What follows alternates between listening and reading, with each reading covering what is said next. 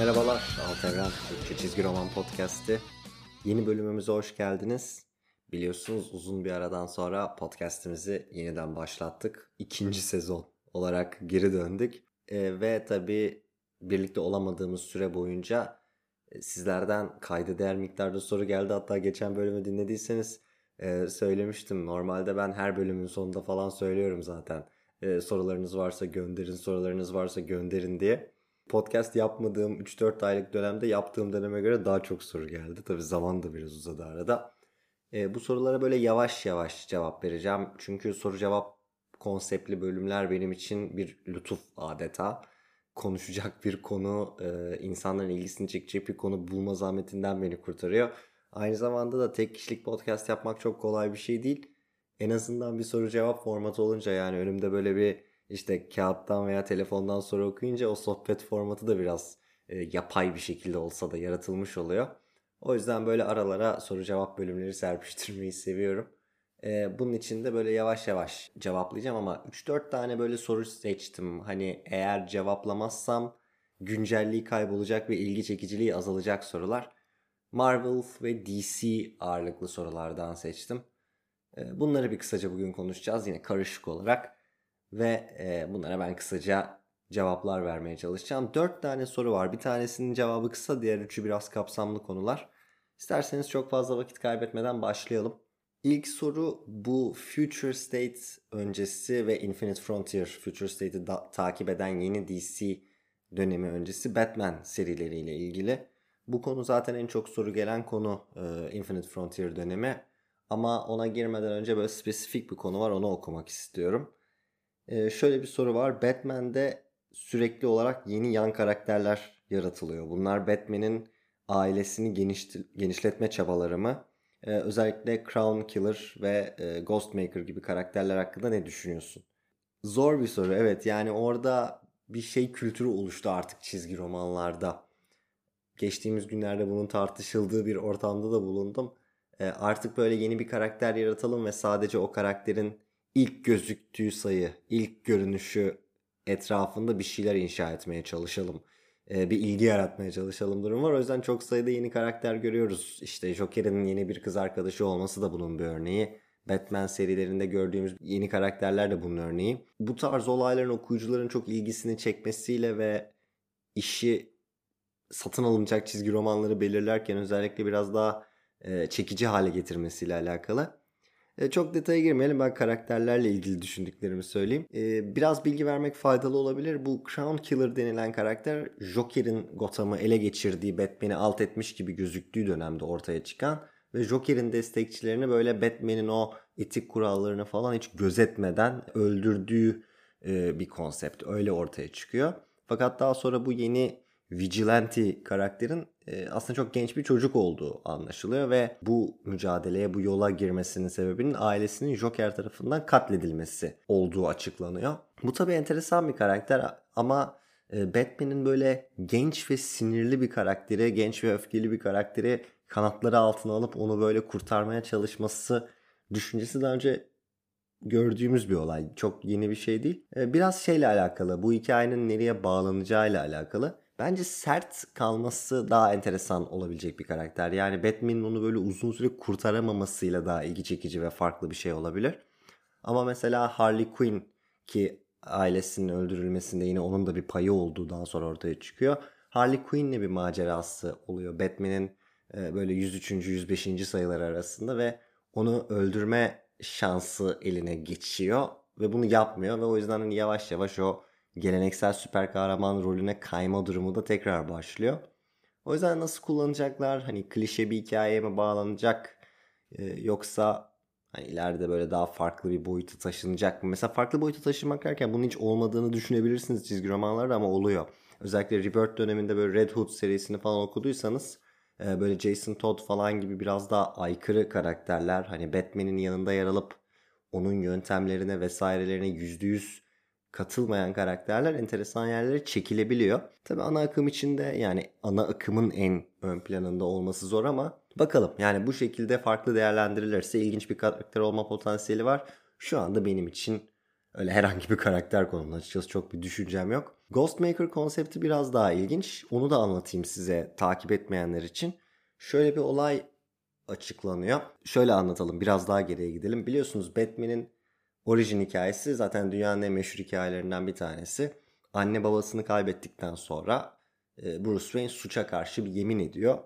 Ben bu şehirdeki suçu yok edeceğim, bu şehri temizleyeceğim diyor ve yıllarca ortadan kayboluyor. Dünyanın her tarafında ideal bir suç savaşçısı olmak için her çeşit eğitimi alıyor vesaire. Bu zaten herkesin bildiği bir orijin hikayesi. Bu Ghostmaker olayı da şu şekilde ortaya çıkıyor. Bruce Wayne'in bu yolculuğu sırasında yani dünyanın gördüğü en büyük, en donanımlı suç savaşçısı, crime fighter olma yolunda aslında onunla birlikte olan birisi olduğu ortaya çıkıyor. Gerçek adını bilmiyoruz çünkü gerçek adının söylenmesinden rahatsız olarak kendisine sadece Ghostmaker diyor.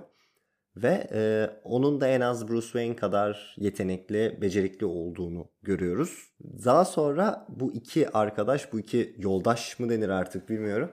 E, yollara ayrılıyor. Çünkü Ghostmaker bir şeye çok sinirleniyor. Sinirlendiği olay da Bruce Wayne'in bütün bu sürece atılma sebebi. Yani Ghostmaker şeyi çok kabul etmiyor. Ailesini kaybetmiş olmasının bütün bu süreç arkasındaki sebep olmasını çok kabullenmiyor. Bu işin böyle bu iş uğruna sadece yapılması gerektiğine inanıyor. Sen, sen sadece e, intikam almaya çalışıyorsun. Sen bu yola aslında baş koymadın. Senin amaçların, sebeplerin yeteri kadar iyi değil diyor ve bu ikisinin yolları bu noktadan sonra ayrılıyor. Ve sonda da böyle baya yakın iki arkadaşken oldukça kanlı bıçakla ayrılıyorlar ve şöyle bir sonuca ulaşıyorlar. Diyorlar ki Batman Gotham'a döneceğini biliyor ve orada suçla mücadele edeceğini biliyor. O yüzden Gotham'a gelme nerede ne yaparsan yap diyor.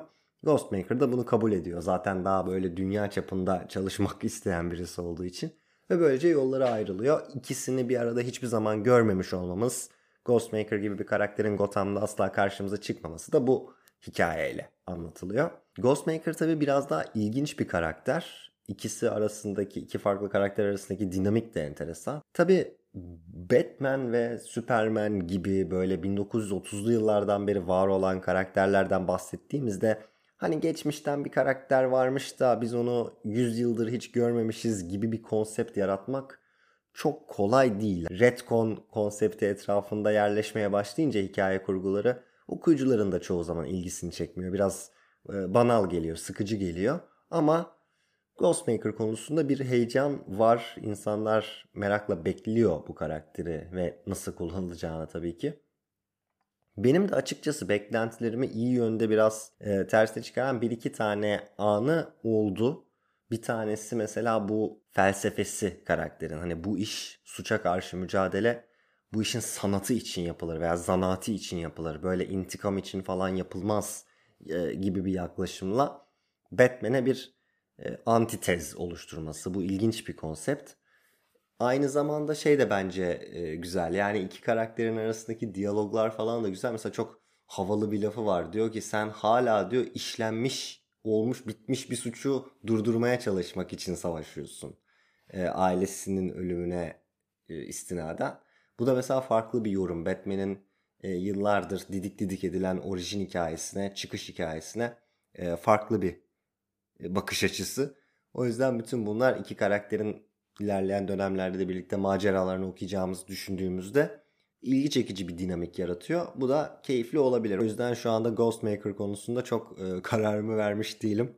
E, onu ilerleyen dönemlerde göreceğiz. Bir soru ki bu aslında podcast için sorulmuş bir soru değil. Genel olarak bir sohbet sırasında sohbetin biraz gidişiyle e, ortaya çıkmış bir soru. Bunu özellikle ben rica ettim podcast'te dahil edebilir miyim diye. Çünkü Wonder Woman serilerinden Wonder Woman'ın e, yeni yazarı, o dönem için tabii yeni yazarı şimdi tekrar değişti ama Tamaki'den bahsetmiştim ve Tamaki'nin yazarlık döneminden ne gibi beklentilerimiz olabilir? Wonder Woman artık böyle istikrarlı bir yazarlık sürecine girebilecek mi? Bir düzen olabilecek mi seride gibi konuları konuşmuştum. Biraz da bu konuların bir devamı olsun. Alt evreni ağırlıklı olarak podcast üzerinden takip edenler için bir e, final niteliğinde olsun o tartışmayı istedim. E, Wonder Woman'ın e, Tamaki serisi yani Tamaki'nin yazarlık dönemi e, beklentileri karşıladı mı ve okuyucuların aradığı o istikrarı sağladı mı gibi bir soru var. Bunu çok kısa tutacağım için böyle arada söylüyorum.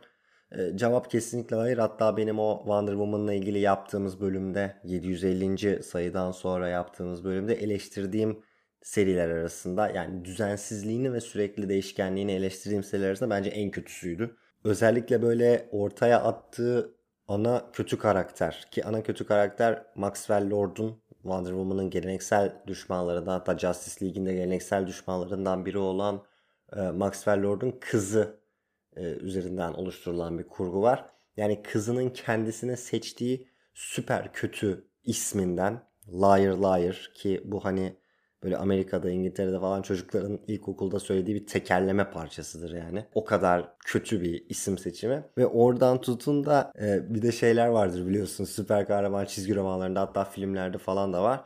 İşte bir karakter böyle kendine yeni bir kimlik edinir. İşte toplumdan dışlanmıştır. E, bir takım sorunlar yaşamıştır. Bir dünya travması vardır. Birisi onu böyle ikna etmek için şey der işte Jonathan der o der ki hayır bana Jonathan deme o benim işte başka bir ismimdi ben artık Evil Lord'um falan. Burada da mesela şey var Liar Liar diye bir isim seçiyor bu kadar çocukça ve kötü ve aptalca bir isim seçtiği yetmezmiş gibi bir de başka bir şey olarak kendine hitap edilmesini kabul etmiyor. Benim adım o değil benim adım Liar Liar falan değil ki ben zaten burada söylerken bile herhalde e, cringe duygusu yaşayan olmuştur diye tahmin ediyorum e, kulaklıklarında falan. E, o yüzden hani e, gerçekten şeyi bana düşündüren bir seri, bir süreç oldu Tamaki'nin Wonder Woman yazarlığı. Yani gerçekten ben bu çizgi romanı okumak için paramı verdim. Ki e, benim hani okurluk şeklimden dolayı bu soruyu sorduğum çok çok nadirdir. Eğer e, Wonder Woman podcastinden sonra acaba ne düşündü, beğendi mi falan diye düşünen varsa yok yani en kötüsü oldu belki de. O yüzden onun da bir finalini oluşturmuş olalım podcast'te. Bir tane Marvel sorusu yapalım. Ondan sonra DC'ye geri döneceğim. Çünkü en çok uzatmayacağım ama en kapsamlı denebilecek soru o. Ama bir Marvel'a dönelim. Marvel'da biliyorsunuz DC tarafında bu tarz olaylar olurken Marvel'da da King in Black serisi tamamlandı. Venom serisinden çıkan bir seriydi. Simbiyotların tanrısı olarak başlayan ve daha sonra bütün Marvel evrenindeki en temel kötü varlıklardan biri olan Null karakteri üzerinden e, şekillenen bir seriydi. Burada bütün soruyu okumayayım sıkıcı olmasın. Seriyi beğenip beğenmediğimle ilgili bir soru gelmiş. Şöyle söyleyeceğim. E, birincisi önce şunu söyleyeyim. Biliyorsunuz Marvel Tarihi diye bir serimiz var. Podcast'in içinde bir alt seri aynı zamanda alt evrende bir yazı serisi. O yüzden e, eninde sonunda ben buna çok detaylı olarak cevap vereceğim ama hazır serinin finali de tazeyken bir cevap vereyim. Benim bu King in Black ve Donny Cates'in Venom yazarlığı ve bu dönemdeki e, mitolojiyle ilgili en beğendiğim şey Marvel ve DC çizgi romanları da çok az gördüğümüz modern dönemde ve benim çok az görmemizi çok eleştirdiğim bir konu. Yavaş build up yani bir karakterin yavaş yavaş oluşturulması, tehdit seviyesinin yavaş yavaş arttırılması ne kadar önemli bir tehdit olduğunu bize böyle ağır ağır önemini önemini gerçekten göstererek e, verilmesi vesaire bunları çok beğeniyordum. O yüzden böyle yavaş yavaş gelen Null'un 2-3 e, sayıda alt edilip ortadan kalkması benim çok hoşuma gitmedi. Bu tabi spoiler bir bilgi. Şimdi daha da spoilerına giriyorum. Biliyorsunuz bir de e, Eddie Brock'un böyle çok masum, çok iyi niyetli ve hep iyi bir karakter olarak gözüken ama aynı zamanda da simbiyot ve Donny Cates'in yarattığı bu Codex olayıyla bağlantılarından dolayı e, çok kritik bir karakter haline getiren oğlu vardı Dylan. Ben şöyle bir şey düşünmeye başladım aslında ki e, seriyi okuduysanız gidişat içinde önemli detaylar var. Mesela Null dünyaya geliyor, bütün dünyayı ele geçiriyor. E, hem gezegenin etrafını böyle kaplıyor hem bütün süper kahramanları alt ediyor. Ve tek aradığı şey, tek korktuğu şey Dylan. E, ve tabi buradan itibaren insanların kafasında da o karakterin önem seviyesiyle ilgili bir şeyler canlanmaya başlıyor.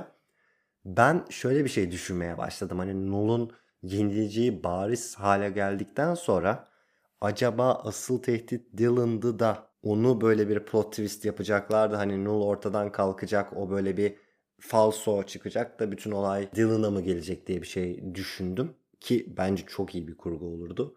Ama e, onu da hızlı bir şekilde çözmüş gibi gözüküyorlar. İleride nasıl üstüne gidilir veya gidilir mi hiç bilmiyorum ama 2-3 sayfa içinde onun içindeki karanlığın da böyle tak diye yok edilmesini gördüğümüz için o ihtimal de çok ortada yok gibi. O yüzden beni asıl rahatsız eden bu seriyle ilgili Null'un çok uzun süre boyunca geliştirilmiş bir karakter olarak hızlı tüketilmesi oldu. Tabii şunu ifade edenler olacaktır. Yani Venom serisinde sayılar sayılar boyunca e, yavaş yavaş getirildi. Böyle Silver Surfer Black'ten itibaren e, bir yükselişi oldu.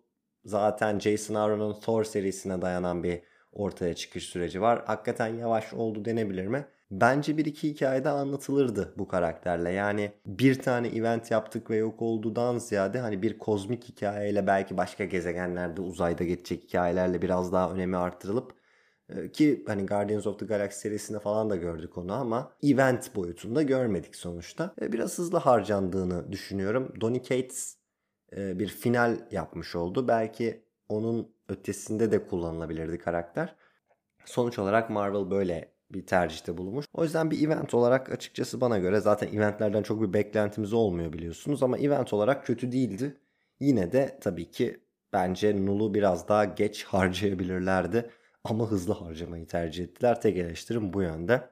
Ve son sorumuz DC Comics sence Infinite Frontier süreciyle birlikte yeni bir sıfırlama yaşamalı mıydı?